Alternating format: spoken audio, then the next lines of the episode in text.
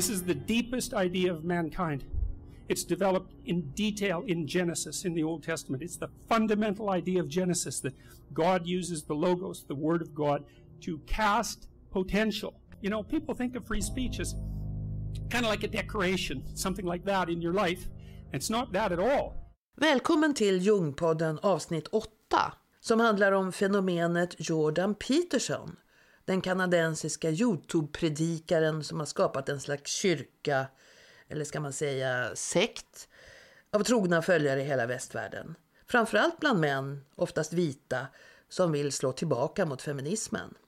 Klippet här i början är färskt och hämtat från Donald Trumps favorit-tv-kanal Fox News. Jordan Peterson talar sig varm för yttrandefriheten samtidigt som han vänder sig å det bestämda sig mot yttranden som han med en fnysning definierar som politiskt korrekta. Och när vi spelar in det här är Jordan Peterson på Europaturné. Glasgow, Manchester, Köpenhamn, Oslo, Amsterdam, Helsingfors och så Stockholm förstås. Biljetterna till Petersons två framträdanden på Cirkus lär ha sålt slut på en halvtimme. Ja, också i världens mest jämställda land har den före detta psykologiläraren från Toronto många fans. Vad kan det bero på? Och vad 17 har det med Jung att göra? Det är temat för det här avsnittet av Jungpodden. Vi som gör den heter Katarina Baldo Sagado. Och Rolf Wrangnert. Och vår podd är Sveriges kanske allra smalaste om livets stora frågor. Jungpodden stöds av Svenska C.G. Jung-stiftelsen i Stockholm. Men du som lyssnar kan också bidra. Gör det. Swisha ditt bidrag till 070-543 8208. I förra avsnittet pratade vi om spöken och vampyrer med psykoterapeuten Thomas Videgård. Lyssna gärna på det, allra helst som eh, Halloween just har varit. Ljungpodden finns på Youtube, iTunes, Soundcloud och på baldoreportage.com. Och där finns också det allra första avsnittet där vi berättar om Carl Gustav Jungs eget liv. Och det andra, där vi just tog upp vår tids längtan efter auktoritära ledare och hur man kan förstå den utifrån Jungs tankar. Dagens ämne är alltså, låt oss kalla det feminismens backlash. Så hur passar Jung in i det mönstret? Låt oss gå rakt på rödbetan. Jung was a tremendously insightful clinician and he was a strange person, introverted visionary. high in introversion, very, very, very, very, very high in openness, like off the charts. And also, God only knows what his IQ was. I mean, every time I read Jung, it's like reading Nietzsche. It's terrifying because, you know, he's, he's so damn smart that he can think up answers to questions that you don't even, it's not like you don't understand the answers. It's, you never conceptualized the damn questions. It's really something to read someone like that, right, who says, well, here's a mystery. And you think, wow, I never thought of that as a mystery. And here's the solution. It's like, okay, that's, that's, that's something. You know, and he could read Greek and he could read, he read all the ancient, he read a very large variety of ancient languages and was very familiar with the entire corpus of, of uh, astrological thought and of alchemical thought and of classic literature and biblical stories. And I mean, educated in a way that no one is educated now. Ja, ni hör. Det är ingen tvekan om att Jordan Peterson gillar Carl Gustav Jung. Men han pratar minst lika ofta om filosofen Friedrich Nietzsche, han med övermänniskan ni vet, och om Bibeln. Så hur ska man tolka fenomenet Peterson? Är han mest en talesperson för det nya politiskt korrekta, än i den nu allt högljuddare kör som vänder sig mot efterkrigstidens jämställdhetsideal och som anser att feminismen har gått för långt eller är han en intellektuell som sätter fingret på någonting viktigt som många i det så kallade postmoderna samhället har missat? En fadersfigur för vilsna pojkar och män. Eller kanske både och på en och samma gång. Snart ska vi höra vad Joel Halldorf och Susan Rowland tycker. Han, teolog som nyss kommit ut med en uppmärksammad bok.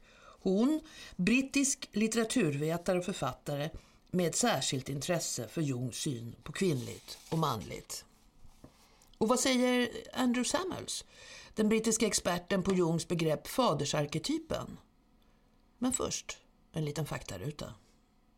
Fram till för två år sedan var Jordan Peterson en oansenlig men lite egensinnig lärare i psykologi vid Toronto universitet. Inte professor som det så ofta har påståtts i svensk press med en felöversättning från engelska. Han var ganska ensam om sitt specialintresse, kommunistiska diktatorer.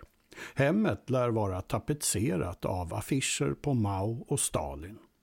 Men plötsligt på hösten 2016 slog Peterson igenom på Youtube. Och tack vare en framgångsrik stödkampanj på nätet kunde han lämna sitt lärarjobb och resa iväg på föreläsningsturné. Den har inte slutat än. Allt började när Peterson protesterade mot en förändring i den kanadensiska diskrimineringslagen. Han tänkte minsann inte använda några neutrala pronomen till sina studenter. Han tog också starkt avstånd när moder och fader byttes ut mot det mer neutrala ordet förälder i den så kallade alla familjer är lika-lagen i Kanada. Detta var ett oacceptabelt angrepp på yttrandefriheten. Rabaldret som följde blev Petersons språngbräda ut i världen. I en tv-intervju påstod han nu att hierarkier är lika oundvikligt bland människor som bland humrar. Inslaget lades ut på Youtube och visades på kort tid över 5 miljoner gånger och fick över 80 000 kommentarer. Petersons första bok, Maps of Meaning, en torr essäsamling om religion, hade inte gjort något väsen av sig på 20 år. Men Petersons nya pamflett, Självhjälpsboken 12 livsregler, ett motgift mot kaos, har tryckts i över en miljon exemplar och gjort sin upphovsman stenrik. På svenska kom den i våras och gick direkt upp till plats två på Svensk Bokhandels topplista för mest sålda fackböcker. Hans Rosling var etta. Också Jordan Peterson brukar understryka, precis som Rosling, att livet absolut inte var bättre förr. Och framförallt att förbättringen för mänskligheten går fortare än någonsin. I alla fall när det gäller hälsa och levnadsstandard. Men vi måste förstå, menar han, att hierarkier är nödvändiga, rent biologiskt, också mellan könen. Och vi behöver en gud, annars hotar kaos. Det sa ju redan Carl Gustav Jung.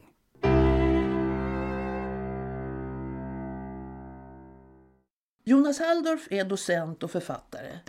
I hans senaste bok Gud, återkomsten, hur religionerna kom tillbaka och vad det betyder, nämns fenomenet Peterson. Och häromdagen återkom han till ämnet i en tv-sändning från Expressen. Samtalsledare är Karin Olsson, kulturchef på Expressen. Det finns två sidor till Jordan Peterson. Det finns eh, kulturkrigaren Peterson som svingar mot genusteori och, och, och, marxism och allt sånt här som han tycker är en enda liksom, ond häxbrygd. Då. Eh, men den, med, den, och den här sidan drar mycket uppmärksamhet, det drar mycket klick på nätet, den provocerar många och så. Men det som man ser i boken är ju inte framförallt det utan i det är det ju mer den här moralfilosofen eh, Peterson då som då, som då eh, påstås, ibland sägs det att han säger självklarheter, husmorstips, ibland sägs det att han säger banaliteter och sådär. Eh, men jag tycker att det är inte riktigt att göra dem rättvisa. Alltså det jag ser när jag läser den boken det är att eh, han artikulerar en, en, så att säga, en, en konservativ världsbild bild så att säga och försöker ge etiska och existentiella råd om hur man lever i den. Och i grund och botten så är hans etiska program att så att säga eh, följ inte njutning, sök mening. Och mening får du genom att du hittar ett ideal, du tar sikte mot ett ideal, någonting du tror på, någonting du är beredd att leva och dö för. Och att du liksom anstränger dig och kämpar för att komma dit. Det, det, är grunden. Och då kommer de här husmorstipsen så att säga. Sträck på dig, rak i ryggen och sådana saker. Och det är enkel liksom, Eh, dygdetik. Det är inte jättekontroversiella saker men det är ju anmärkningsvärt att så få säger det. Peterson är en komplex figur och han har många sidor. Han har liksom, här, och, det, och, det, finns mycket att kritisera och jag har också kritiserat honom i, i texter och så här, men man får sikta in sig på vad är det man vänder sig mot och varför. Eh, och det blir en del guilt by association, en del slippery slope, alltså säger man det här så leder man så småningom till det här och då är man fascist eller sådana saker. Det tycker jag man gör det lite enkelt för sig. Utan det finns liksom någonting som är väldigt, ja, som vi säger, aristoteliskt, dygdetiskt och inga märkligheter. Sen finns det en del andra saker också. Men Joel, det verkar ändå som att det är främst män mm. som, som dras till Peterson och som känner att de får vägledning av honom. Mm. Vad tror du det är som attraherar då unga män i, det, i, hans budskap? Det finns någonting heroiskt i hur han beskriver livet och, och det goda livet. Just det här, hit, världen är ju för Peterson kaos. kaos. Alltså, han, han, han tror ju på något sätt att det finns vissa strukturer i tillvaron. Eh, och, och, det här är en del av hans provocerande budskap då, för då, då, anses, då, då anses det vara att han inte tror på politiska reformer. Va? Eh, och, men, men de här strukturerna i tillvaron uppfattar han inte bara som goda utan det finns, det finns, de har en tragisk dimension till sig. Eh, så, så det människan måste göra när hon liksom binds av världen, livets elände och lidande och att bli och allt sånt här som man möter. Det är att liksom, eh, liksom toughen up och, och, och kämpa. Och, så här. och ett sånt tilltal är ju väldigt, om man säger maskulint kodat och det, det tilltalar ju eh, uppenbarligen en hel del. Våra trognaste lyssnare minns kanske Andrew Samuels, den brittiske jungianen som hjälpte Obama med sin första valkampanj 2008. Vi berättade om det i det andra avsnittet av Jungpodden. Samuels är en av världens främsta experter på fadersarketypen, alltså en urbild av den viktiga fadersgestalten som Jung anser finns i alla kulturer. Så vad han säger om Petersons Jungvurm har viss tyngd. Um, amongst the many things that Jordan Peterson is known for is his interest in Jung. He writes a great deal about Jung, and there are numerous uh, YouTubes and other videos on the net that show him talking about Jung. Um, it's come to a head in the Jungian world. Många jungianer blev upplivade, säger Andrew Samuels, när Jordan Peterson påstod med ett jungianskt begrepp att en kvinnlig BBC-journalist som intervjuade honom, Cathy Newman, var animus besatt vilket i korta drag innebär att hon skulle ha pratat som en hysterisk man. Men faktum är, fortsätter Andrew Samuels, att det framförallt är arketyperna som Peterson är intresserad av. Och trots att Jung själv var noga med att arketyperna är en slags andliga bilder så talar Peterson om dem som om de vore biologiska. Därifrån är steget kort till en fast, stel, stereotyp uppfattning av könen. Vilket i sin tur gör att folk tror att Jung också hade en sådan stereotyp uppfattning. Och det hade han ju. Uh, what we get in Peterson's reading of Jung is something that's primarily biological. From biology, it's but a short step to a rather fixed, rigid, and essentialistic notion of gender, which, if you follow this backwards means that Jung is also positioned as someone who has a rather biologically oriented, limited, and essentialistic idea about gender, which he had. So you've got a funny mixture of archetypal theory used in a very specific biological way to justify an approach to gender that is, in the jargon, hardwired. Peterson använder alltså Jung för att ursäkta sin hårdkokta inställning till könen. Och vem tjänar på det? Män förstås. Särskilt män som tycker att de har knuffats åt sidan av feminism och så kallad politisk korrekthet. Till syvende och sist är det en fråga om hur man ser på manligt våld. Och manligt våld har länge varit mycket omdiskuterat i västerländsk kultur. Ett faktum som hotar många män. Och så har vi frågan om myterna, fortsätter Andrew Samuels. Det låter ju så djupt. Men faktum är, det är en mycket mer politisk fråga än man i förstone kan tro. För enkelt uttryckt, folk som hänvisar till myter som grundläggande för mänskligheten tenderar inte bara att vara konservativare än andra, utan också starkt traditionella. Broadly speaking, people who refer back to myth as foundational, veridical, the fount of authority, the oracle almost, are tending to the traditional, not just conservative, but the deeply traditional. They are cultural conservatives. And what this means, of course, is that in the most extreme form, very right wing movements, fascist movements in particular, use mythological tropes, stories, symbols. De kulturkonservativa, extrema högerrörelser som fascister till exempel använder just sådana mytiska symboler och figurer. Wagners Votan, nazisternas hakkors, det är sånt de använder för att sprida sin världsbild. Vilket som vi vet lockar många unga, undanskuffade och marginaliserade män. Nej, varken Jung eller Peterson är förstås fascister. Men bägge använder mytologier utan att inse vad det innebär. Så nej, Peterson är inte någon bra jungiansk influencer som vissa kortsynta kollegor tror.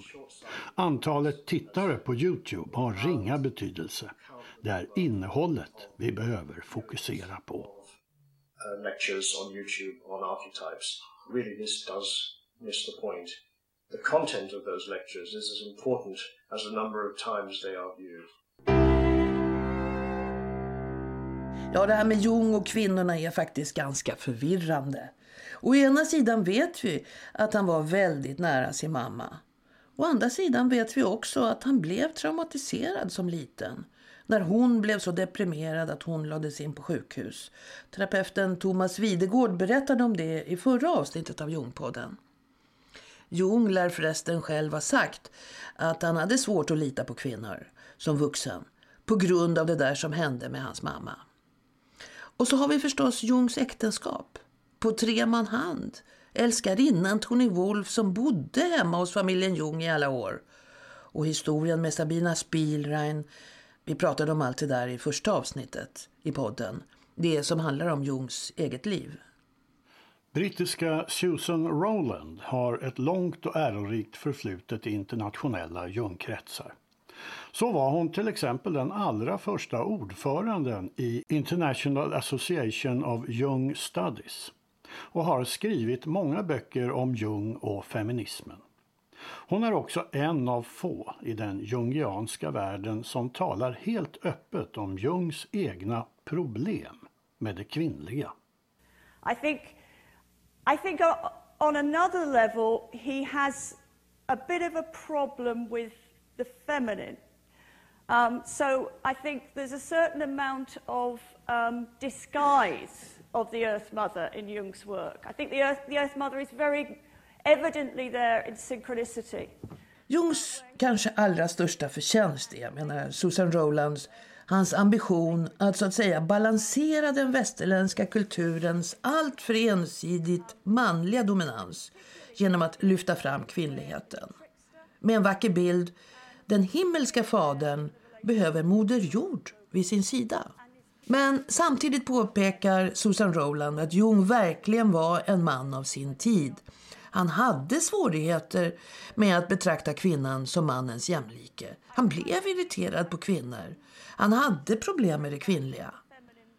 Moder Jord, säger Susan Rowland, är så ofta dold i Jungs verk även om hon syns tydligt i flera av hans nyskapande begrepp. Synkroniciteten till exempel. De meningsfulla sammanträffanden som sker i våra liv här på jorden. Jung talade om naturen med stort N, den heliga naturen. Men han var en konservativ man som hade revolutionära idéer. I, I, I, think, I think Jung wanted to bring back the feminine for modernity because he knew that that was essential. I think he had a bit of a problem about seeing women as, as equals. And really, what you see in his work is a drive to bring back the feminine in order to shore up the masculine. Um, he's a conservative with revolutionary ideas. Moder Jord har gett livet till både kvinnor och män. Och startpunkten för hela Jungs verk handlar ju om att allt vad vi vet är inkomplett. Det faktum att vi har ett omedvetet gör att allt vetande, allt, från arketyperna till överföringen, bara är ett provisorium. Eftersom vi har en del som vi inte känner till, det omedvetna, men som påverkar oss hela tiden. Allt i Jungs värld bygger på den förutsättningen. Att inget är säkert och fixt och färdigt. Hans begrepp är möjligheter. Pragmatiska sätt att arbeta med psyket. Och så långt komna blir det ju uppenbart. Vi har nu hamnat mycket, mycket långt ifrån Jordan Petersons besserwisser-universum. Så till alla som har rättat upp sig, vare sig det är på Peterson eller på hans kritiker, vill vi sluta med ett avväpnande leende. Med hjälp av debattören Göran Greider och hans egna tolv väldigt poetiska levnadsregler. Här handlar det inte alls om att sträcka på sig och städa sitt rum, utan kanske precis tvärtom. 1. Väck aldrig den som sover med ett lyckligt uttryck i ansiktet. 2. Tala med djur, även när du inte kan språket. 3. Spring aldrig för att hinna till bussen. 4. Gör goda handlingar. 5. Rör varje dag vid krukväxter. 6. Gå med i partier och föreningar och späd ut ditt ego. 7. Ta dig regelbundet till platser där du ser stjärnorna. 8. Köp riktigt gamla böcker på loppisar. 9. Tänk minst en gång om dagen att detta samhälle avlöses av ett annat. 10. Var inte rädd. 11. Köp inga nya kokböcker. 12. Skriv något varje dag för hand. Nästa avsnitt av Ljungpodden handlar om den del av tillvaron som vi, fram till nu, nästan inte har vetat någonting alls om. Eftersom vi sällan blev så gamla med hälsan i behåll. Alltså, livet efter 70. Gå in och prenumerera på Ljungpodden på iTunes eller Youtube eller Soundcloud så du inte missar det. Ljungpodden finns också på Facebook. Vi hörs! Vi hörs!